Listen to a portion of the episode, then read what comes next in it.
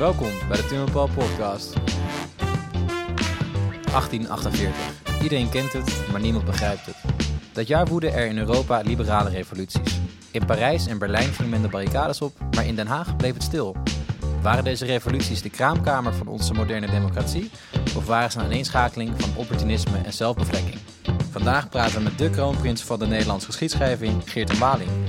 Hij promoveerde in 2016 met clubkoorts en revoluties op dit onderwerp.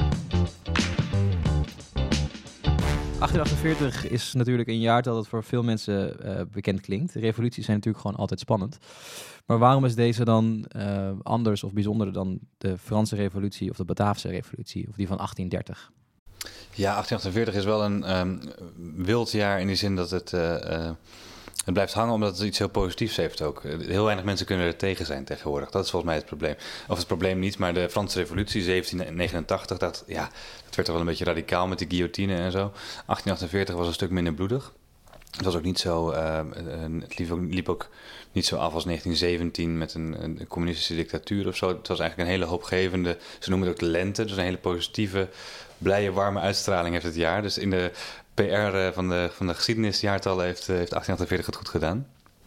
En in uh, Duitsland bijvoorbeeld zie je dat er heel op teruggegrepen wordt, omdat 1848 een van de positieve momenten was in de geschiedenis van bijvoorbeeld Berlijn. Waar je eigenlijk in de rest van de geschiedenis heel veel duistere democratische momenten hebt. In ieder geval in 1848 juist een, een, een moment van democratische hoop was. En ja, dat, dat, dat geldt eigenlijk voor heel Europa wel. Ja, want dit is een revolutie die um, ook bekend staat dat die over heel Europa ja. ging. Uh, zeker begon in Parijs, of eigenlijk zelfs in Noord-Italië, maar de echt grote revolutie, uh, de eerste opstand, uh, brak uit in Parijs eind februari, waar de koning vluchtte. Zijn jullie wel gewend aan revoluties in Parijs op dat moment? Dat was op dat moment al de derde op rij. Uh, 50 jaar. Als, je, als je de kleinere revoluties niet meetelt, inderdaad was dat al de derde op rij binnen een halve eeuw. En um, de Fransen die hadden ook meteen, de koning die, was daar ook op ingesteld, dus die vluchtte meteen naar Engeland. Die dacht, die voel, ja, die, die voelde erbij hangen. Waarschijnlijk lag er al een draaiboek klaar, inderdaad. En uh, dus binnen een paar dagen was opeens van een uh, beetje onbeduidend relletje... was uh, Parijs opeens de hoofdstad van een nieuwe republiek geworden. En wat was, dat, wat was die aanleiding? Wat was dat relletje? Ja, de aanleiding was eigenlijk de combinatie van economische crisis. Dat zie je altijd. veel werkloosheid en ook wel honger, armoede... in de buitenwijken van de stad... die ook echt aan het groeien was geweest in die jaren daarvoor. En we kennen natuurlijk de Great Famine, hè, de, aardappel, de aardappelziekte in Ierland bijvoorbeeld... maar ook in Frankrijk en de rest van Europa raakte dat in rond 1846, 47 heel sterk ook de economie. Nou, en je had allerlei stromingen die al uh, uh, heel veel protest uh, aantekenden tegen de vorm van, dat noemden ze dan liberale monarchie in Frankrijk, maar dat was eigenlijk best wel toch nog steeds best autoritair. Naar de wens van in ieder geval, laten we zeggen, het linksere en liberalere deel van de oppositie in Frankrijk. En die uh, begonnen zich te roeren. En toen in 1848 kwam het eigenlijk allemaal samen in een soort, ja, een soort uh, tipping point. Uh, hoe moet je dat noemen? Een, een soort moment waarop opeens alles. de bekende druppel eigenlijk. Ja, de druppel. En, dan, en dan, dan schijnen ook, hè, dat is een beetje dan die. Um, er is een mooie term voor zo'n padafhankelijke uh, theorie in de geschiedenis die me nu even ontschoten is. Maar dan, dan komt alles opeens samen van verschillende invalshoeken en dan, ja, dan gebeurt dat nou eenmaal. Die koningvlucht, dat heeft ook niet geholpen. Die had misschien nog wel de boel kunnen neerslaan. En uh, opeens zit daar een, uh, een, groepje mannen die zeggen: Wij zijn de regering van een nieuwe republiek en wij gaan verkiezingen uitschrijven met algemeen kiesrecht. We gaan de slavernij afschaffen. We gaan werk voor iedereen garanderen vanuit de overheid gefinancierd. dus totaal revolutionaire een plannen. communistisch ja, ja. systeem bijna. Ja, zeker. En, en, maar, ook, maar ook wel natuurlijk waar iedereen wel op zat te wachten. Dus het was heel positief, heel hoopvol. Nou, dat bleek uiteindelijk dat als je verkiezingen gaat organiseren in Frankrijk, dat bleek twee maanden later, dan zijn de laten we zeggen, de rest van de Fransen buiten Parijs zijn altijd wat minder revolutionair dan uh, Parijs zelf. Dus daar kwam al de eerste teleur, teleurstelling. En uiteindelijk ontrafelt dat weer. 1848 is ook een moment, in ieder geval in Frankrijk en Duitsland en Italië, waar je ziet dat die bewegingen en die stroming heel snel teleurgesteld raken en gefrustreerd raken. En de eerste echte contra-revolutie, of je moet misschien zeggen uh, hyperrevolutie van revolutionairen die weer opnieuw een revolutie gingen plegen, was al in mei. 1848. Dan heb je in juni heb je een bloedige opstand in de arbeiderswijken. En eigenlijk is dan vanaf dat moment een soort, treedt er een soort noodtoestand in met een uh, generaal die een soort dictatuur vestigt. En wordt in Frankrijk in ieder geval de neef van Napoleon tot president verkozen, die zichzelf later dan ook nog weer als keizer gaat kronen. En in, in, in, in, in Pruisen, in Berlijn bijvoorbeeld, waar ik mijn, in mijn boek ook over schrijf, daar doet de koning iets heel slims. Die geeft het gewoon een paar maanden de tijd. En daarna hakt hij keihard, slaat hij weer keihard toe. En dan stuurt hij zijn leger de stad in. En dan, Zij laat het maar in Duitsland laat het een beetje... Ja, en wat, het, uh, wat het eigenlijk het uh, positieve volgens mij aan is, dat is in ieder geval wat ik uh, in mijn proefschriftonderzoek wel heb centraal gesteld, is helemaal niet de grote politieke ontwikkelingen van die koning die vlucht of zo, of, of de, de burgeroorlogachtige situaties die ontstond. Maar veel meer de ideeënstrijd. Dus dat opeens, als die revolutie uitbreekt, dat er dan een van de eisen is ook vrijheid van vereniging en vrijheid van drukpers. Dus vrijheid van meningsuiting. Wij willen zeggen wat we, wat we willen, wij willen zelf politiek bedrijven, wij willen zelf een politiek debat kunnen voeren. En dat is eigenlijk iets wat in, uh, voor 1848 helemaal niet zo vanzelfsprekend is. Ook niet in, in Frankrijk, na de, de revolutie daar? Nee, dat hebben ze daar. Uh, Napoleon al meteen, uh, de eerste heeft het al meteen hardhandig dat de kop ingedrukt. politieke clubs en verenigingen werden echt verboden of moesten, stonden echt onder curatele eigenlijk. Kranten leden onder censuur. Die konden niet zomaar alles publiceren. die moesten en een hele dagbladzegel uh, bestond. Dus dat is een systeem waarbij ze een soort belasting moesten betalen. Maar het was ook een censuurmaatregel. Waarbij ze dus uh, hun uh, inhoud moesten la laten controleren door, de over door een overheidsinstantie. Mm. En, en daar, daar, bestond dus een groot protest tegen. Dus die, die beweging is volgens mij kenmerkend voor 1848. Dat je opeens een explosie ziet aan publiek debat. Aan affiches die aan de muren worden opgehangen. Met strijdkreten, maar ook met hele politieke manifesten. Met polemieken die worden gevoerd over en weer. Uh, tussen groepen en tussen burgers in, in, de stad. Op de muren van de stad gewoon aangeplakt. Heel zichtbaar voor iedereen. Het is heel grappig om. Een soort Twitter zou je kunnen zeggen van. Ja. Of Facebook van, uh, van die tijd. En uh, kranten, duizenden kranten die opeens gedrukt worden. Mensen die zelf een eigen krantje beginnen. Van twee pagina's, soms ook maar met één editie of zo. Weet je, maar echt die hoop van. Nu gaan we zelf meedoen. En ik heb mezelf uh, op de, in mijn onderzoek vooral op die politieke clubs gericht, van die bijeenkomsten. Van uh, mensen die dus vrij spontaan binnen een paar dagen tijd hele clubs gaan vormen met een bestuur en met een, met een manifest. Een algemene ledenvergadering. Ja. Algemeen, heel formeel, soms ook zo formeel dat ze niet verder kwamen dan de hele tijd het, het amenderen van uh, de, principe, de algemene principeverklaringen en beginselen. En dat na een paar vergaderingen ze maar gewoon zijn opgehouden. Dat is echt, en andere waren juist weer heel erg uh, radicaal uh, activistisch. Dus die uh, kwamen, waren meer soort actiecomité's die bij elkaar kwamen om barricades te, te, organiseren of wat dan ook. of, of nieuwe aanslagen te plannen of protesten. vergaderingen waren dat. Ja, ook heel heftig. Ja, nee, maar dat, over het algemeen was het wel. het was ontzettend chaotisch en, en, en, en, wanordelijk, maar het was ook weer niet zo bloedig. Dus dat maakt het voor mij een onderwerp, in ieder geval, mijn onderzoek in ieder geval wel, le wel leuk om dat soort hele rare vergaderingen dan ook in uh, het leek alsof iedereen ook een beetje aan het spelen was. Een soort, echt een soort lentemoment, alsof, die, alsof de kalveren opeens voor het eerst in de wei gaan dartelen. Zo, zo voelt het ook een beetje als je kijkt naar die publieke debatten. Mensen de raarste ideeën komen langs. We mogen weer wat zeggen, dus ja. zeggen we alles maar. Voor het, om het minst en geringste wordt een clubje opgericht. Uh, en er worden met grote woorden liberté, égalité, fraternité, hoppa, wordt er weer iets uh, betoogd. En ze hebben dan wel teruggegrepen naar die... Zeker, ja. Soms zelfs heel radicaal, ook echt om te provoceren. Echt met de sans-culotte en met de Montagne en met de, uh, de Père Duchesne. Dat is dan zo'n radicale krant uit de Franse revolutie. Die werd dan ook weer opnieuw opgericht met diezelfde titel. Of er werd er naar verwezen. De guillotines werden afgestoft alweer? Of? Nou ja, dat werd, dat werd dan ook geroepen door de reactionairen natuurlijk. Die zeiden, of, uh, in ieder geval de mensen die bang waren voor die, revolu voor, voor die revolutie. Die zeiden, ja, nee, dus hier het alweer. Uh, mijn familie, mijn adellijke familie is onder de guillotine omgekomen. En, ja. dus ja, dus niet nog een keer. Dus dit gaan we niet nog een keer doen. Ja, dit, dit, zit natuurlijk nog het levend geheugen bij. Ja. Kijken hoe wij naar de Tweede Wereldoorlog kijken, bijvoorbeeld even als tijds, uh, tijdspad van hoe je daarnaar. Uh, ja, dat geheugen, dat zat nog heel, dat, dat, de schrik zat erin, maar ook de, de revolutionaire symboliek sprak ook nog aan. Dus dat zag je. En in, uh, in Duitsland is dat hetzelfde trouwens, waarbij je ziet dat opeens die zwart.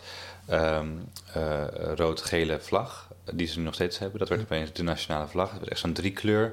En er zat heel veel symboliek achter die eigenlijk verwees naar de Duitse variant van de Franse Revolutie. Een soort Duitse ja, verlichtingsideaal uh, en uh, uh, gecombineerd met een beetje romantiek en een beetje Duitse cultuur.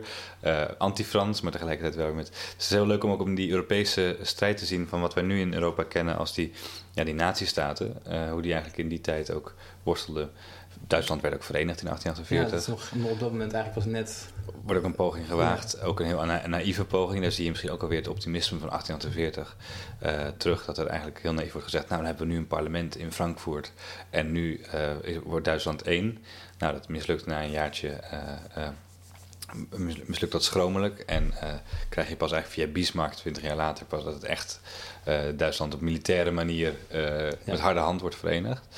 Uh, maar het idealisme van het parlement, daar gebeurt het, uh, het publieke debat, uh, daar mag iedereen aan meedoen, dat is voor iedereen open. Ehm, dat zat heel erg ook in die ambitie om Duitsland te verenigen naar in een moderne, liberale, parlementaire democratie eigenlijk. Ja, want Duitsland liep op dat moment nog wat achter zeg maar, in Europa? Of is dat... Het waren natuurlijk verschillende landen, maar de machtigste staat was Pruisen toch wel. Een beetje met... De militaire staat. Ja, in competitie met Oostenrijk. Maar Pruisen met Berlijn als hoofdstad, grote delen ook in, in Polen wat hedendaags Polen is, met uh, sterke adel, sterke kerk, heel autoritair georganiseerd. Uh, eigenlijk helemaal geen parlement voor 1848. Dat is wel een beetje de maatgevende uh, staat in, dat, in, die, in, die, in, die, in het Duitse cultuurgebied, moet je dan geloof ik zeggen. Maar dan als Berlijn, in Berlijn na twee weken naar Parijs in in maart uiteindelijk ook de revolutie uitbreekt, dan zit het schrik bij de Pruisische adel er natuurlijk echt geweldig in. En de koning die blijkt dan ook zelfs nog te buigen voor de wensen van die revolutionairen. Dus die lijkt dan, hè, die lijkt dan eventjes uh, zich helemaal over te geven. Dat, uh, dat is een enorme shock. En later zie je dat we terug in een soort militaire ingrijpen. En ook misschien wel de frustratie van Bismarck, die als jonge uh, officier ook meedeed. als conservatieve officier ook meedeed in die tegenrevolutie. In, die, in het neerslaan van die revolutie. Dus je ziet eigenlijk in die 1840 zie je heel veel voedingsbodem voor nou, ongelooflijk veel dingen die na, de, uh, na, na die tijd gebeurd zijn. Van het Verenigen van Duitsland, misschien ook wel het autoritaire van Duitsland, het Pruisische machtscomplex misschien ook wel. En tegelijkertijd vind ik, in ieder geval daar ben ik vooral in mijn onderzoek mee bezig geweest, ook heel veel van de democratie, hoe we die vandaag de dag beleven. met politieke partijen die later zijn opgericht om toch vorm te geven aan die onhandige politieke clubjes. Aan die onhandige, onhandige politieke debat wat toen werd, ja, werd uitgevonden. Eigenlijk. Dat zie je echt als een, als een 1, 1 plus 1 is 2. Ja, ja dus, dat, ik niet alleen hoor, maar er zijn uh, die clubjes die worden opgericht. Dat worden een soort partijen, uh, proto-partijen zou je kunnen zeggen. En pas twintig jaar later wordt echt een massapartij opgericht. En dat, werkt, dat blijkt veel beter te werken in het mobiliseren van kiezers, uh, in het organiseren op grote schaal. Maar in die revolutie van 1848 wordt het allemaal al geprobeerd. Uh, op een heel open manier. Eigenlijk uh, zoals, ook met het doel om bijvoorbeeld uh, kandidaten verkozen te krijgen, zoals een partij dat heeft. Maar daar wordt al mee geëxperimenteerd en daarom heb ik het in mijn proefschrift over democratische experimenten. Van die clubs en die, en die volksvergaderingen en zo. Um, en later, daar zie je eigenlijk allemaal ja, de lijntjes al lopen naar wat later dan uitwerkt in die partijdemocratie. Eigenlijk die, enerzijds. En anderzijds ook in die parlementaire democratie. Want die parlementen worden ook in 1848 opeens veel belangrijker. In Nederland zien we dat eigenlijk, we hebben de, de korte route genomen. Want, ja. we, hebben natuurlijk gewoon geen revolutie gehad. Uh, maar, met, maar, maar, meteen, meteen een parlementaire grondwet, een ja. constitutionele monarchie. Ja. Wat ik me nog, ga nog even afvraag. Weet je, revoluties zijn vaak tot, toch een soort van hele snelle veranderingen. En dan een totaal nieuw idee bijvoorbeeld. En dan, um, als we dan nu kijken naar 1848, wat verandert er dan daadwerkelijk? Is het echt zo dat je kan zeggen van is een soort van puis die uitgeknepen wordt en nu is het de wereld anders? Of is het, want dat vraag ik me vaak af bij dit soort revoluties. Nou, het is ook, denk ik, als je in een moment zelf leeft, dan voelt het waarschijnlijk alsof alles anders wordt. Uh, en dat was ook de kracht van 1848, uh, ehm, de euforie. Uh, er is een, ehm, een socioloog, Aristide Solberg, die heeft een aardig artikel geschreven dat heet uh, Moments of Madness, momenten van gekte. En die noemt 1848 als een van die momenten van gekte. Maar je zou ook andere revolutionaire momenten zo kunnen zien. Dat eventjes wat hij noemt, uh, dromen worden opeens mogelijkheden. En mensen gaan er zo in geloven dat ze eigenlijk de realiteit een beetje uit het oog verliezen. En wat ik ook zei over Parijs, dat die mensen in Parijs denken dat heel Frankrijk opeens achter de revolutie staat, wat natuurlijk helemaal niet zo is. Dat hadden ze ook kunnen weten. Maar dat is even gewoon denken, ja, maar nu staan alle neuzen dezelfde kant op. Nu wordt het alles beter, alles anders. En dat is een, um, misschien een soort uh, drugs, zou je kunnen zeggen, voor uh, revolutionairen. Ook om het vol te houden waarschijnlijk. Ook om barricade op te gaan en om slapeloze nachten te hebben omdat je uh, tot diepe nacht aan het vergaderen bent. Uh, en ja, aan, vol van energie. Aan het zuipen bent ja. waarschijnlijk. Ja. Ja. en dat is een hele mooie, uh, mooi moment, maar dat heeft ook een soort iets. later wordt het, komt ook een soort kater natuurlijk. En um, of dat nou binnen een paar dagen, weken of in het geval van 1848 binnen een paar maanden meestal was, heb je wel dat er uiteindelijk de, volgens mensen, volgens de laten we zeggen, de hoofdpersonen van 1848 zelf, die waren erg teleurgesteld na afloop. Als ze niet in de gevangenis beland zijn, dan zijn ze wel gevlucht. Of ze hebben verder een, uh, een leven vol frustratie geleid. Um, en die zullen waarschijnlijk gezegd hebben, ja, het heeft helemaal geen zin gehad. Ja. Terwijl als je op de langere termijn kijkt, voor 200 jaar die we inmiddels bijna achter ons hebben... dan denk ik dat 1848 juist een uh, heel positief effect heeft gehad in het definitief vestigen van een paar dingen. Zoals die parlementaire democratie, dat idee dat je je moet organiseren als burgers buiten het parlement om. Hè, dus uh, laten we zeggen de politieke, wat later de politieke partijen worden. Maar ook dat publiek debat ongelooflijk belangrijk is. Dat je dat zelf ook uh, kunt uh, voeren met, met, je, met, je, met je mond, een volksvergadering, maar ook met, met de pen. in ja, manifesten. Persvrijheid en dat soort... Persvrijheid, al die eisen zijn gesteld. In Frankrijk was het erg belangrijk toch dat het algemeen kiesrecht werd ingevoerd voor mannen. Uh, wat daarna officieel altijd gebleven is, alleen ja, niet heel veel zin had tijdens de daaropvolgende uh, keizerrijk. Maar dat is in Frankrijk, kijk, Frankrijk... De despotische keizer, ja, dus kom je met je stempel. Die trok zich niet zoveel aan van het... Maar die zei wel, ik zit hier na, ik, ik, ik, ik, belichaam de, de soevereiniteit van het volk, zei hij. Ja. Ja, dat is ook heel mooi gezegd. Maar, um, maar dat, dat vinden de Fransen belangrijk. Ook dat er in hun koloniën vanaf dat moment slavernij was afgeschaft. Dat ja, maar dat is wel een van de regels die na de revolutie en Napoleon III komt, uh, ja. komt dan aan de macht. Dat zijn wel regels die blijven bestaan. Slavernij wordt niet opnieuw weer ingevoerd bijvoorbeeld. Ze gaan niet terug Nee. naar die periode voor. Ja, dat, Nee, nee. zou wat Eh, zijn, eh, ik- het kan zijn dat, er een, dat ik hier uitzondering mis, want ik heb zelf niet gekeken naar die slavernij. Maar volgens mij is een hele Franse eh, kolonie vanaf 1840 is die slavernij eh, definitief afgeschaft. Hij was in de Franse Revolutie afgeschaft. en toen hebben ze het weer En terug. ze hebben het erin gevoerd. Ehm, eh, voor een deel althans. Ehm, ik weet niet- er is altijd een verschil tussen slavenhandel en slavernij ook. Hè. Volgens mij was de slavenhandel daarvoor al afgeschaft. Maar de slavernij zelf, dat mensen in, sla in slavernij leefden en werkten, dat, eh, dat hebben ze in 1840 pas echt weer definitief eh, beëindigd. En eh nou, dat algemeen kiesrecht was heel belangrijk voor mannen. Maar ook dat vrouwen op een gegeven moment clubjes gingen organiseren, kranten gingen uitgeven. Je zou kunnen zeggen dat daar al een soort eerste feministische golf plaatsvond. Wat, wat eigenlijk vaak wordt vergeten, maar er zijn echt een paar sterke vrouwen geweest. En ook mannen trouwens, die het voor de vrouwen opnamen als hè, politieke burgeressen. Die, die echt in 1848 ook eh, eigen eh, organisaties gaan oprichten. Kijk, dat, dat, dat komt er allemaal op dat moment even samen en later heb dat weer een beetje weg. Maar als je dat nou ziet van wie waren erbij betrokken, belangrijke auteurs, mensen als Flaubert en Baudelaire, zeg ik even uit mijn hoofd hoor, maar dat soort types in Parijs waren daar gewoon, die kwamen daar over de vloer. Ja. Eh, belangrijke schrijvers die ook cultureel bepalend waren. En dan, zeg je wel, dan zie je wel dat er toch echt wel een kantelmoment was in het Ja. denken over dat soort eh, zaken. Van wie, wie mag er politiek bedrijven, wie heeft de macht, onder welke voorwaarden. En hoe zat dat dan in, eh, in Pruisen? Want, Ja, in Pruisen is dat veel ingewikkelder. Ik heb dan vooral naar Berlijn gekeken, wat een vr- nogal vooruitstrevende stad was vergeleken bij de rest van het, eh, dat grote eh, eh, land, die grote staat. Eh, maar eh, daar, was, daar was heel veel, eh, daar was het nog veel heftiger. Dit was voor hen echt ja, de Franse Revolutie. eh, in de zin van, er vielen ook 150 doden bij barricadegevechten. Dat was heel heftig. Eh, meteen al eh, op 18 maart, toen de revolutie uitbrak.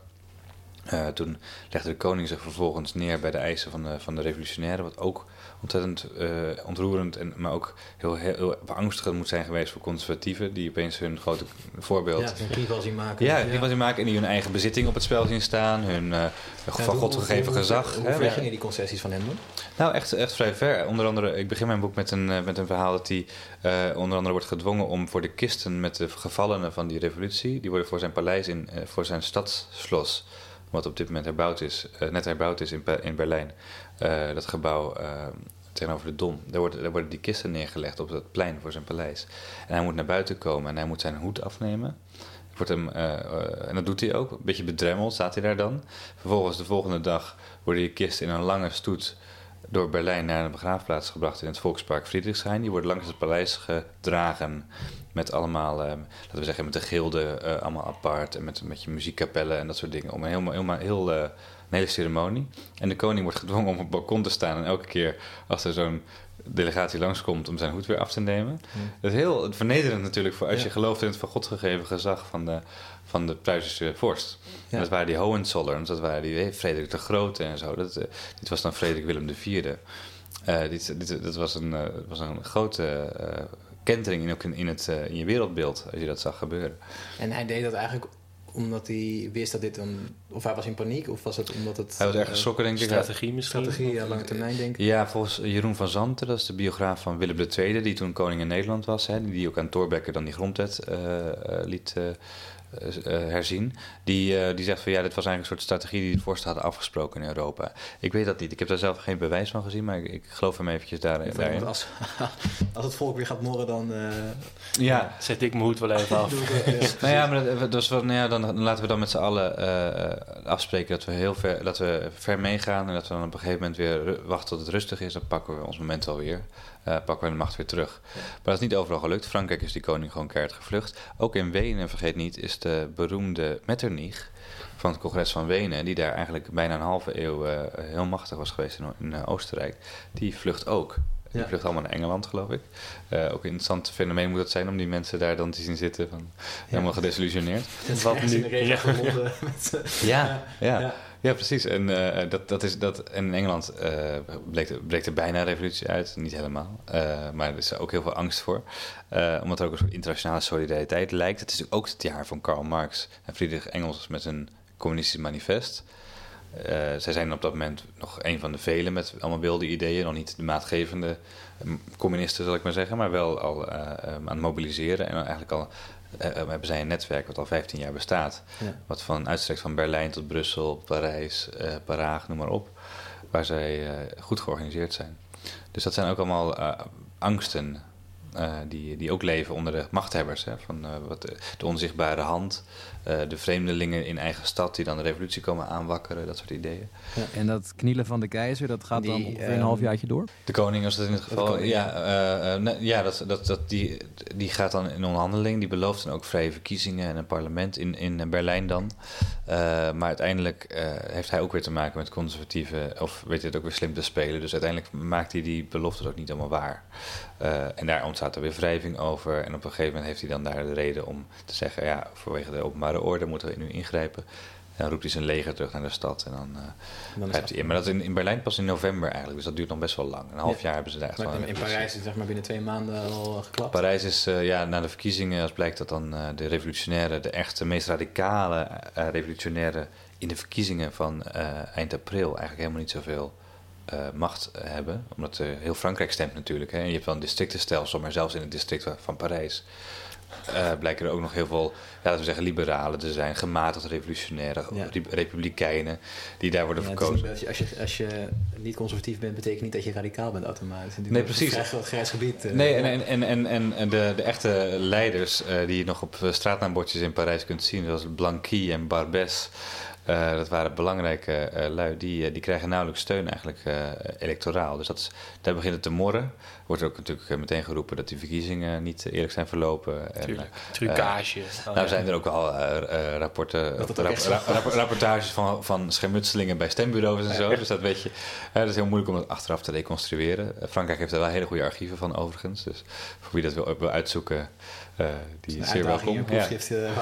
ja, ik ben heel veel van dat soort archieven tegengekomen. Je moet echt een keuze maken. Maar eh, de staatsarchieven van Frankrijk zijn erg, eh, erg degelijk. ja. Maar wat staat daar dan? Zoveel schermutselingen in Nou, hele district mappen 4. met... eh, eh, er is ook een, nu net een Frans proefschrift over geschreven hoor, eh, inmiddels. Maar over de verkiezingen in eh 1848. Hele eh, dozen met, eh, met verslagen van stembureaus. En met eh, briefjes en, en stembriefjes en dat soort dingen. En, en ook statistiek en zo. Dat is heel erg interessant. Ja. Wat in die, dat vroege moment ook te zien. Hè? Want wij kennen dat van de 20e eeuw vooral. Ja. Maar waarnemers van de VN die ergens Bijna gaan dat. Ja. bijna dat wel, ja. En ook de- dat er inderdaad wordt gecommuniceerd. Wat ik zelf heel mooi vond, vond is ook de, zijn rapportages van de Britse ambassadeur in Parijs.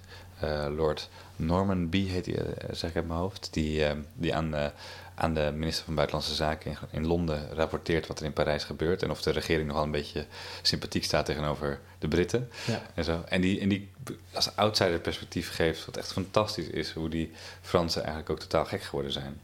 Eh, dat moment van gekte. misschien ook wel de wel wrong, want die hebben natuurlijk net een beetje uit de oorlogskosten gekomen waarschijnlijk. En eh, eh, de nationale trots van, van eh, Waterloo is misschien wat, wat weggeëpt. Ja, Dus denk ik, oh, daar gaan we weer. Ja, zeker. En volgens mij spelen, maar dat, ik ben er heel slecht in, maar volgens mij spelen er ook in de overzeese gebieden ook allerlei conflicten tussen, op dat moment nog steeds tussen Frankrijk en, en Engeland. Dus een voortgaande haat. Eh, Tot de dag van vandaag eigenlijk. eh, Eigenlijk nou, is, is, dat, is dat een constant in de geschiedenis, dus dat Ja. speelde ook nog. Dus was altijd heel erg, er moest op eieren gelopen worden. Maar sowieso dat je dan als outsider, als, als, eh, ik, zie, ik zie dat even voor me als een soort stijve, eh stiff upper lip Brit, eh, van adellijk eh, komaf. Als lord zit je daar dan en dan moet je dan dat beschrijven in een paar brieven naar, naar, je, naar, jou, eh, naar je baas van wat er nou eigenlijk aan het gebeuren is in, Ja, eh, Een Parijs. ongelofelijke puinhoop die er is Ja. in Frankrijk. Ja, ja, en dat mensen, ja, en dat, en dat, dat mensen echt eh, de raarste ideeën staan te verkondigen op straat en zo. En dat Ja. iedereen helemaal eh, uit zijn dak gaat. Ja. Er zijn veel van dit soort spannende verhalen te vertellen over. Ja, en die, die spannende verhalen die zijn er eigenlijk in, in Nederland op dat moment niet echt. Nou, een beetje wel. Eh, het is wel zo dat er zijn wat, er zijn wat opstanden. Eh, er zijn ook wel eh, verhalen over... Je hebt van, Bevervoorde, dat is dan een soort Nederlandse revolutionair... eh, die dan probeert om in ieder geval te, die verzet aantekent tegen de ondemocratische eh, grondwet en zo. En die eh, oproept tot verbetering, vooral ook van de sociale voorzieningen voor, voor, voor, voor arbeiders bijvoorbeeld. Maar je, je hebt wat protesten, maar op een gegeven moment, als begin maart al Willem II besluit, hè, volgens de mythe, van, de, wordt hij van één, in één nacht van conservatief-liberaal, als hij besluit om Thorbecke toch maar die grondwet te laten herzien, wat Thorbecke al lang achter de schermen voor had bereid en al lang mee bezig was. Heeft zoals- dat niet in één dag, eh, dat ze een soort van Nee, studentische deadline moest halen. maar het, leek wel, maar het leek wel alsof Willem II in één dag was veranderd. En Ja. dat was eh, van mening. En, eh, dat, was, eh, en dat, dat leidde er wel toe, dat eh, weet ik althans uit de biografie van, van Jeroen van Zanten, van Willem II, dat hij dan echt eh, op handen gedragen wordt, vrij letterlijk ook. Eh, dat hij dan echt eh, de menigte eerst woedend eh, langs zijn paleis loopt en dan loopt te, te juichen en leven, de ja, koning en zo. En hem vol tranen dat de, de vorst het toch heeft, heeft toegestaan dat de grondwet wordt eh, Een gemoderniseerd. persoonlijke revolutie gehad in zijn, eh, Ja. eigen brein. Ja, en dat, Van Zandt heeft daar een theorie over dat, eh, dat hij gechanteerd zou zijn met zijn homoseksualiteit. Mhm. Dat het bewijs vind ik wat dun wat hij daarvoor levert, maar het is een interessante theorie. Het is wel zo dat er eh, waarschijnlijk werd gedacht, ja luister, dit is gewoon een, eh, een beweging die je niet kunt stoppen. Eh, een beetje in lijn met, eh, met het, uh, Tocqueville, die dat op dat moment ook over Amerika heeft geschreven. Die op dat moment in 1848 in het Franse parlement zit als aristocraat, maar ook als liberaal. En denkt, ja, we moeten hier eigenlijk, we moeten deze revolutie een soort- vorm geven. We moeten er leiding aan geven in plaats van het proberen te onderdrukken, want dan komt het keihard in ons gezicht terug. Ja. Dat moet Willem II ook gehad hebben, denk ik. Maar dat is mijn eigen, eigen interpretatie. Dus dan is het wel een soort van strategie geweest, toch? Dat hij denkt van, Ja, ja, strategie, maar ook misschien wel gewoon een, een, een, ge- een gevolg van een, een langer eh, gevoerde discussie over. Want eigenlijk had je in Nederland vanaf 1815 al wel zo dat het eh, Tweede Kamer had wel het budgetrecht. Dus de Tweede Kamer mocht de koning terugfluiten door, en de regering, maar dus ook de koning, door eh, het geld niet toe te kennen. Wat natuurlijk gewoon een heel mooi middel is. Ja. Wat eigenlijk niet eens gebruikt is, alleen als dreigement is ingezet, waardoor uiteindelijk Willem I is eh, afgetreden. Ehm, omdat hij natuurlijk zo lang hè, zoveel geld uitgaf, ook aan het leger en dergelijke. Ehm, dat het, er was dus al wel een soort parlementaire controle. Alleen, ja, dat was niet echt heel erg sterk en niet heel formeel. Ehm, en dat, eh, die discussie werd al veel langer gevoerd. Dus volgens mij is dat ook een gevolg van dat eigenlijk die, dat koninkrijk wat Nederland was, vanaf eh, Napoleon, vanaf Waterloo zal ik maar zeggen, dat, dat was eigenlijk een iets te autoritair koninkrijk. Vooral omdat Nederland daarvoor helemaal geen koninkrijk was en een republiek was. Ja. Dus eh, dat is weer een heel andere discussie. Maar eh, ik kan me voorstellen dat die republikeinse elementen nog heel duidelijk erin zaten. Van die staten-generaal en het idee dat je met elkaar moet beslissen, consensus, polderen. eh, dat, dat verdraagt geen autoritaire vorst. Nee, het lijkt een beetje dan geënt op een Duits model. En wat daar uiteindelijk Dat was het heel sterk, ja. Dat was het heel sterk. Een Duits model, ancien regime eigenlijk, met een modern jasje, Ja. eh, met een grondwet. Ja. En dat is ook wel interessant om te zien dat eh, de, de koning van Pruisen die zegt dan we gaan hier een halfjaartje mee door. En dan grijpen we weer in. Als dat misschien eventueel strategie. En in Nederland is het dan, ja laat maar gaan. we zijn eh, nu liberaal. Ja, dat is, ja, precies. En daarna niet meer met het leger terugkomt en zegt joh, Ja, ja, en dat is, dat, dus dat het ook inderdaad zo gebeurd is, dat die grondwet inderdaad is herzien. Zijn zoon, Willem III, uiteindelijk, die heeft daar wel veel moeite mee gehad. Want die, was, die zag dus dat zijn vader alle macht had weggegeven. Ja. En eh, die eh, had zelf een, uh, pesthekel aan het parlement en die wilde helemaal niet Ja. voldoen aan Ja, die eisen. Ja, de hè, koning Gorilla werd hij werd hij genoemd. Maar, en ook zijn kleindochter Wilhelmina, die, was ook wel, die had ook liever een sterk geleide regering. en dat parlement dat moest maar even een toontje lager zingen. Zij was niet voor niks in de oorlog. Had, het meest, had ze haar finest hour. Ja. Toen het parlement er niet even, Ja, was. dat vrij, eh, Dan kon zij mooi Kon eh, zij shinen, ja. ja. sterke, sterke Ik heb hier rol nog steeds van volgens mij. Dat Ja. ja. koning zijn. Ja. Ja. Ja. en ehm, wat zou je, als je dan nu terugkijkt, het is nu bijna 200 jaar geleden. ehm, wie zijn dan soort van de, de namen die we moeten onthouden, de grote winnaars? Van, ja, noemde net Bismarck bijvoorbeeld, Thorbecke is genoemd. Ehm, dat zijn altijd van dat soort figuren dan in Ja. één keer een carrière gaan maken of in één keer heel erg een, eh, een plek in de geschiedenisboekjes gaan verdienen. Ja, ik denk dat het in dat geval eh inderdaad. eh Thorbecke had op dat moment echt zijn hoogtepunt. Bismarck eh, was op dat moment totaal onbekend. Maar je ziet wel, als je kijkt naar hoe die later is terechtgekomen. Als, kansel, als kanselier heeft hij al erg gedaan. Maar je- zie je ook dat hij heel erg beïnvloed is geweest door, door de revolutie. Nou, wat ik wel interessant vind zelf, ehm, is dat die, die reactionairen of conservatieven in, in Pruisen, dat die ook door die revolutie beïnvloed zijn. In die zin dat ze opeens ook een eh, politieke vereniging gingen oprichten, kranten gingen oprichten. Eigenlijk gingen meespelen in het spel van het publieke debat. In plaats van het leger erop afsturen. Dus als je kijkt naar wat is nou blijvende verandering, dat is volgens mij dat zelfs de, ja, de meest reactionaire krachten moeten toegeven dat ze de vijand met de eigen wapens gaan bestrijden, zoals ze dat zelf ook zeiden. Eh, en dat ze dus niet meer kunnen vertrouwen op die koning, op het leger, op de kerk, eh, op een soort vanzelfsprekende goddelijk, eh, goddelijke autoriteit. Eh, maar dat ze het zelf moeten gaan verwerven met goede argumenten. Ja, een publieke sfeer die dan Ja. ook bij hun terechtkomt. Ja, en dat, en dat is natuurlijk daarna niet altijd in Duitsland aanwezig, zeker niet in het nazi-tijdperk. Maar je ziet dat Duitsland daar erg mee worstelt ook.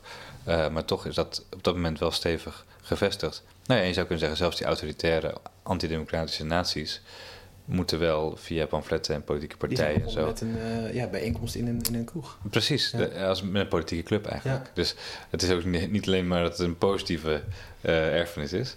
Ik had inderdaad misschien mijn proefschrift de bierkellers van eh, 1848 moeten noemen. Ja. Kennen zijn revoluties. Ja, ja. Dus, ehm, dus maar de- voor, die, voor die mensen is het natuurlijk enorm van je geloof afvallen. Ja. Het, het, eh, dat is nogal wat. Om, Het moet een, een, een, een life-changing moment eh, geweest zijn. Ja. Eh, bijna zoals de Franse Revolutie dat zal zijn geweest voor veel eh, conservatieven in Frankrijk. Dat is waar. Eh, ik denk dat het wat dat betreft een, een schoksgewijze ontwikkeling is geweest eh, in de geschiedenis van Europa. Eh, Ja. Opeens die parlementaire democratie, dat publieke debat en zo. Eh, misschien wat minder in Nederland hoor. In Nederland is het wat meer een teruggaan naar een normaal situatie van gedeeld gezag. Maar, ja, eh, dat is, dat is meer een soort van, we gaan terug naar de Bataafse revolutie. of- Precies. Ja. Ja. eigenlijk een soort terugkeer op eh, van, oh ja, we zijn nu een beetje te ver doorgeschoten met het koninkrijk. Ehm, maar goed, eh, dat, is ook het leuke van 1848. Je kunt er van alle kanten naar kijken en het op heel veel verschillende manieren interpreteren. Ja. Ehm, en dat, maar wat ik het zelf het, het, het mooiste aan vond, was toch wel de, de, de blijheid. Zelfs al kun je zeggen dat is naïef of te idealistisch, niet, reëel, niet reëel. Maar de blijheid en de, de hoop die daarin zit. En dat je, dat, dat je ziet van dat mensen toch de behoefte hebben om als politieke burgers toch aan die democratie deel te nemen. eh, om de macht te delen en te bekritiseren. En dat een soort, het is wel een, eh, een moment zoals je kunt kijken naar 1989, de val van de muur. Dat, Ja. heb, zo heb ik het ook wel een beetje gezien zelf. Van, eh, een heel hoopvol en leuk moment waarbij je Het is heus eigenlijk haast een kracht die bijna niet tegen te houden is. Precies, en, daar- en dat, dat kunnen we ons nog wel wat beter herinneren. Eh, dat is echt een, eh, een enorm eh, sterke kracht die inderdaad zelfs door een autoritair regime eh, als in de DDR niet tegen te houden is. Ja. Wat wel eh, natuurlijk ook zo is dat het heus niet altijd later alleen maar positief zal zijn. Eh, de, ook de, de, vereniging, de hereniging van Duitsland heeft tot heel veel eh, Ja. ook gedoe geleid Ja. en teleurstelling en, en, en mensen ja. die buiten de bo- boot zijn gevallen en zo. Maar toch dat, dat moment dat dan van de centraal van, staat. die, ja, van, Ja. van, Ja. van het volkskracht eigenlijk. Ja, dus dat is ook leerzaam dat eh, eh, als historicus eh, hoe je armen en voeten geeft aan zoiets positiefs, zonder dat je er zelf per se je door laat meevoeren. Dat vond ik een leuke uitdaging ook. En jij bent ook enthousiast tijdens het schrijven en het, het onderzoek. Ja. We gaan ook de, Ja, maar ik kon ook heel goed invoelen van die, van die conservatieven. Dat je denkt van ja, jezus, je hele wereldbeeld. Ja. Ja. Ja, eh, je, je, je, hebt, je, hebt, je hebt landerijen, je, hebt een soort halve horige, eh, horigheidssituatie nog op je, eh, in je gebieden eh, onder je. En opeens eh, blijkt de koning op wie je hoopt hebt gevestigd, blijkt opeens alles ja, weg te de man geven. waarop alles draait eigenlijk. Ja. Zegt, eh, jongens, Er komen, er komen verkiezingen en mensen mogen naar de stembus. Ja, het was dan wel een getrapte verkiezing, maar toch. eh, dat, eh, dat moet ongelooflijk eh, chockerend geweest zijn. Wat mij nou een beetje opvalt is, hè, we hebben het over de andere revoluties gehad. In Frankrijk vlucht de koning, in Berlijn wordt er gevochten. En dan hebben wij, toch, hebben wij een koning die dan in een nachtje even iets, iets anders besluit. Ik heb toch een beetje het idee dat het een soort van lullige, een soort bijna revolutie was. Wat is jouw mening Nou ja, daarover? Eh, ja, eh, je zou, je zou het zo kunnen bekijken. Je kan ook bekijken dat het eh, gelukkig niet heeft geleid tot bloedvergieten. Eh, en dat het ook wel iets is, ook wel grappig is dat er dan eh, bijna met drie vingers in de lucht eh, de W van Willem eh, het, het, het, het, slootjesvolk door Den Haag loopt. En, en hem, ik geloof, ik moet het even nakijken bij Jeroen van Zanten, maar ik geloof vrij letterlijk op de schouders draagt. en hem toejuicht en, en, en, hem toezingt. Dat is ook wel heel geestig. Elke dag Koningsdag. Ja. Nee, ja.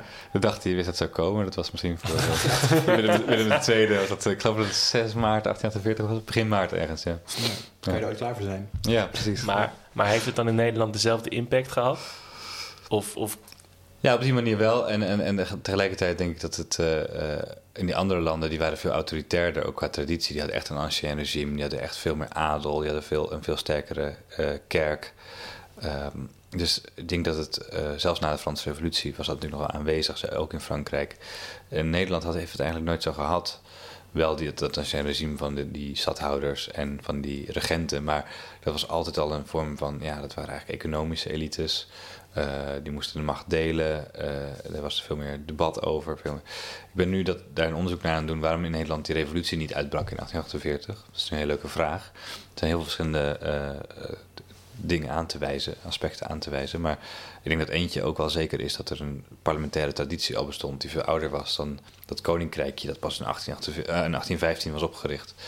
En waarmee eigenlijk behalve de autoritaire koning en Willem I, die toch al veel goeds deed voor het land, eh er geen ervaring was. Eh, met Willem, Willem II was eigenlijk een heel jonge vorst, die ook niet zoveel heeft gedaan behalve de, de grondwet een goedkeuren. belangrijk punt. Maar Daarna, ging, daarna ging hij dood, ja, dat is helaas. Maar, ehm, dus dat, het was eigenlijk een heel jong en onervaren eh, koninkrijk. Dus het was helemaal niet een vergelijkbare revolutie, vind ik, als eh, zo'n revolutie tegen de Hohenzollerns in Berlijn. Waar gewoon eeuwen en eeuwen van totale machts... eh, het, eh, van heel zwaar goddelijk gezag aan het hoofd van de staat staat. Ja, dus die, die vergelijking van... In Frankrijk was het gek, een, soort van speeltuin, je zegt. En mensen komen met gekke Ja. ideeën. In Duitsland is het eigenlijk een- misschien een lichte versie van de Franse revolutie... die nog niet, uiteindelijk niet helemaal de effecten heeft die Napoleon natuurlijk met zich, mee, eh, met zich meenam. En ook in Ja. Italië hoor, een strijd nog met het Vaticaan en eh, eh, ook wel gewoon een territoriale strijd die dan losbarst. Hè. Een stadstaat in Noord-Italië die, die vechten voor hun onafhankelijkheid. Ja, dat, er zijn heel veel verschillende oorzaken en verbanden aan te wijzen. Wat ik zelf nog wel interessant vind trouwens om te onthouden is dat 1848 eh, echt een moment was dat, ik noem het even provocerend, dat nationalisme nog een linkse hobby was. Ehm, want het, het gezamenlijk achter de vlag, Ja. die driekleur, de, eh, Fra- in Frank- Frankrijk dan het, eh, de rood-wit-blauwe driekleur, maar in, in, Pa- in, eh, Duitsland, in heel Duitsland, onder de revolutionairen dat eh, r- eh, zwart-rood-geel. Ehm, dat was echt een, eh, eh, een, een, een revolutionaire eh, droom, een ideaal. Dat je met elkaar verenigt onder een vlag, ongeacht standen of klassen of hè, onderscheid. eh, dat je daar dus eh, eh, samen achter... En dan, er zijn hele mooie prenten ook eh, gemaakt. Van dan, en dan allemaal onder die nationale vlag. En dan gezamenlijk als wereldvolkeren eh, onderweg naar de verlichting of zo. Weet je wel, een heel mooi eh, beeld van... wat wij helemaal niet meer kennen, omdat wij vaak bij nationalisme denken aan het laat 19e eeuwse nationalisme. Eh, wat ook een beetje het etnisch nationalisme is van Duitse interpretatie. Ehm, eh, of de, of de, eh, de, hoe heet het? Nee, de Action Française. Dat, dat, dat is allemaal veel later. Hier was het nationalisme echt iets wat eigenlijk tegen de, tegen de gevestigde verhoudingen inging. En dat een soort droom was van ja, verlichting en eerlijk, eh, eerlijk delen en vrede. emancipatie bijna toch ook? Ja, een emancipatiebeweging, ja. Ja. Oké. Heb jij nog... eh, Ja, ik zat nog even te denken. Marx is genoemd. Ja. Ehm, communisme, denk ik dan meteen begin communisme. Maar is dat te makkelijk om te denken in 1848 dat dan al zo wordt beïnvloed door linkse ideeën? Ja, nee, precies. Dat, dat communistisch manifest, dat is eigenlijk maar één van de teksten. Wordt natuurlijk wel heel groot, maar eh, verschijnt in februari 1848, geloof ik. Eh, dus echt in het begin met, terwijl die evenementen, terwijl die gebeurtenissen eigenlijk, eigenlijk aan het ontvouwen zijn, komt, dat, komt die tekst uit. Dus het is een onderdeeltje, maar het is niet een, eh, drijvende kracht, denk ik. Het is wel zo dat het hele netwerk van die bond van communisten, waar Marx een Engels onderdeel van uitmaakte, dat was wel echt aanwezig. Van Pa- Parijs tot Berlijn, Londen. enorm internationaal eh, Ja, bij uitstek. ja. Zwitserland, eh, nee, dat weten we gewoon. Dat, en die waren ook al opgebouwd, die, hebben, die zijn een paar keer van naam veranderd. Ze hebben ze gewoon de Boendeke Echteten geheten, van de, de bond van de verachten, de verachte mensen. Ehm, eh, allemaal, allemaal namen hebben die ge- hebben gehad. En, en ik geloof vanaf 1847 heet het dan de Bond der Communisten. En dan wordt het echt wel een, echt een grote beweging. Maar het is maar één van de bewegingen. En ik denk ook wat we vergeten in het, laten we zeggen, post-Marx eh, denken we vaak dat Marx dan de enige lijn was. Maar in Frankrijk had je heel veel utopisch socialisten. Utopisch socialisten, die, die, die, die, dat hele frame is al door Marx bedacht dat ze utopisch waren, dus ze waren niet realistisch. Hè. Hij was de wetenschappelijke socialist en die mensen in Parijs, dat waren, die, dat waren dromers, utopisch socialisten. Maar je had eh, ook hele eh, serieuze lui, zoals eh, Proudhon, die zelf ook nog een club oprichtte en een krant. En die had een soort eh, half anarchistische agenda, geloof ik. Eh nou ja, je hebt er een paar gehad. Je had ook Saint-Simon, die wat ouder was, die al wat aan vooraf ging. Maar die, die ideeën die vonden ook weer in 1848 heel gretig eh, aftrek.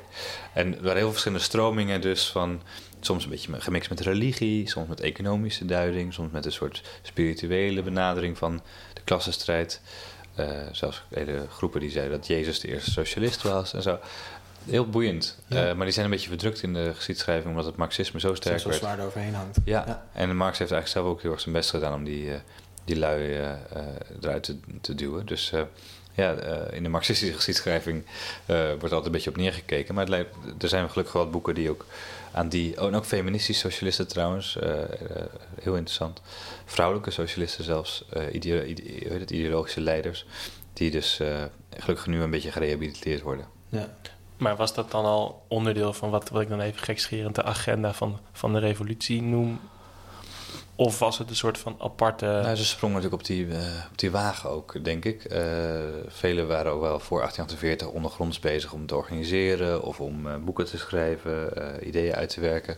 Maar 1848 was echt ook wel een stimula- stimulans om dat soort. Hè, om dan daar ook meteen een clubje van te maken Ja, of een ja. kra- krant op te richten. dan een- meteen gewoon te gaan doen. ja, ja, en dan als club ook te zeggen van nou, dan gaan wij eens contact zoeken met die andere clubs. En dan gaan we daar gezamenlijk een manifest schrijven. En dan laten we horen dat wij eh, ehm, dit, eh, dan gaan we de regering een petitie aanbieden. Bijvoorbeeld petities zijn ook een heel belangrijk machtsmiddel van de publieke opinie natuurlijk. Dus dat, eh, dat, dat, dat krijgt dan opeens veel meer ruimte als die vrijheid van, van, of, eh, vrijheid van vereniging en vrijheid van drukpers of meningsuiting geregeld zijn. Je ziet eigenlijk in, in heel veel vlakken zeg maar, een zeer moderne revolutie. Ja. Is het een beetje vergelijkbaar misschien met 1968? Ehm, en, en misschien wat er nu... Zeg maar, we hebben nu net een student gehad bij de UvA... die de boel aan het- blokkeren zijn. Alweer. Chocoladereep aan het opeten zijn. Ja. Ehm, in hoeverre zie je, zie je het nu ehm, dat dit soort revoluties nog steeds zouden kunnen gebeuren? Het is natuurlijk altijd een gevaarlijke vraag van historicus om de toekomst te gaan Nee, ja, nee, ja dat, eh, de- je ziet in de praktijk in ieder geval dat dat soort dingen bij de UvA. eh, Ik heb het niet alleen op UvA, maar... in- nee, dat, dat, slaat, dat slaat dan toch weer niet zo aan als in 1969 toen ze echt het Maagdenhuis eh, bezetten. Hoewel ze het wel eh, even hebben vastgehouden, vorig jaar, of het is twee jaar geleden of zo. Ja. Maar nee, en het heeft. Maar het- je ziet vooral denk ik aan die Occupy-beweging. ehm, dat er best iets eh, kan gebeuren. Dat er best ook een grote internationale beweging los kan komen. Maar dat tegelijkertijd de manier waarop die aanslaat heel. Ja, Marginaal. ja, ja, het wordt marginaal. Het wordt ook een beetje belachelijk gemaakt vaak. Misschien was het ook niet de goede vorm. Maar tegelijkertijd zie je wel ook weer dat mensen met, met petities online dingen op de agenda zetten. Eh, onze politiek eh, grossiert in incidenten. Dus er wordt de hele tijd van incident naar incident gepraat. Eh, ook in de Tweede Kamer. Nou, dan zie je denk ik ook weer de macht van media en van social media, van burgers om dingen aan te kaarten. Het feit dat die twee Armeense kinderen eh, mochten blijven, wat voor die kinderen heel fijn is, maar eh, het was echt wel iets wat, omdat ze zoveel in de media kwamen. Terwijl er 400 andere kinderen zijn Armeense kinderen in dezelfde in situatie. dezelfde situatie die, die, die niet zo mediageniek zijn. Ja. En daar kun je best cynisch voor worden van ja, maar tegelijkertijd kun je zeggen, hé, hey, dit is een voorbeeld van hoe de macht van de publieke opinie dus blijkbaar toch dingen op de agenda kan zetten. Klein, kleinschalige mensen gaan niet echt meer de straat op, maar Nee. via de media wordt het nu... eh, Zoals eh, mijn leermeester, wel jullie leermeester Frits Boterman, eh wel eens verzuchtte dat hij dan uit zijn raam keek aan de Amstel en dan elke ochtend dacht, waar zijn die studenten toch? Zo ja, zouden we de straat op moeten gaan. Nee, eh, nou ja, dat, alleen bij bezuinigingen op onderwijs. Maar eh, een groter maatschappelijk iets was een revolutie. Ik denk dat het in Nederland sowieso eigenlijk nooit heeft eh, plaatsgevonden. Echte revolutie. Ook in eh, de Bataafse revolutie, dat was eigenlijk een eh, clubje patriotten Dat was met, ook geen revolutie. met steun van het Ja. Franse revolutionaire leger. Die kwamen gewoon binnenstormen. Eh, de opstand tegen de Spaanse koning in de 16e eeuw was ja, een af- onafhankelijkheidsbeweging of een burgeroorlog, maar was ook geen revolutie. nee. We hebben nooit een re- revolutie gehad, eh, eh, alleen opstandjes. Soms denk dat er ruimte is voor, voor Ja, meer ja. ambitie. Ja. Ja, nou ja, of, of je zou kunnen zeggen, ik denk dat Nederland meer een land is van de hervorming en van, eh, van het draagvlak en eh, het polderen, eh, dan, van, eh, dan van de echte keiharde breek, breukpunten punten, ja. ja. en eh, revoluties. Ja. Er ligt nog een taak voor je, Paul. Ja. Ja, eh, Barricades op, 60 jaar voor ik met pensioen mag. Dus Ja, dan, eh, precies. laat die baard groeien en Precies, eh, gaan. ja. Ja. Che Guevara shirt aan. En, Dat is trouwens ook een constante in de geschiedenis. 1848 werd ook al gezegd over die revolutionairen. Dit waren allemaal mensen met lange haar en een baard. Dus, dan eh, ben ik al halverwege. Dus ja. dat, eh, Dat scheelt. ja, Alright. laten we daarop eh Ja, zetten. dankjewel. Ja, fijn. tof.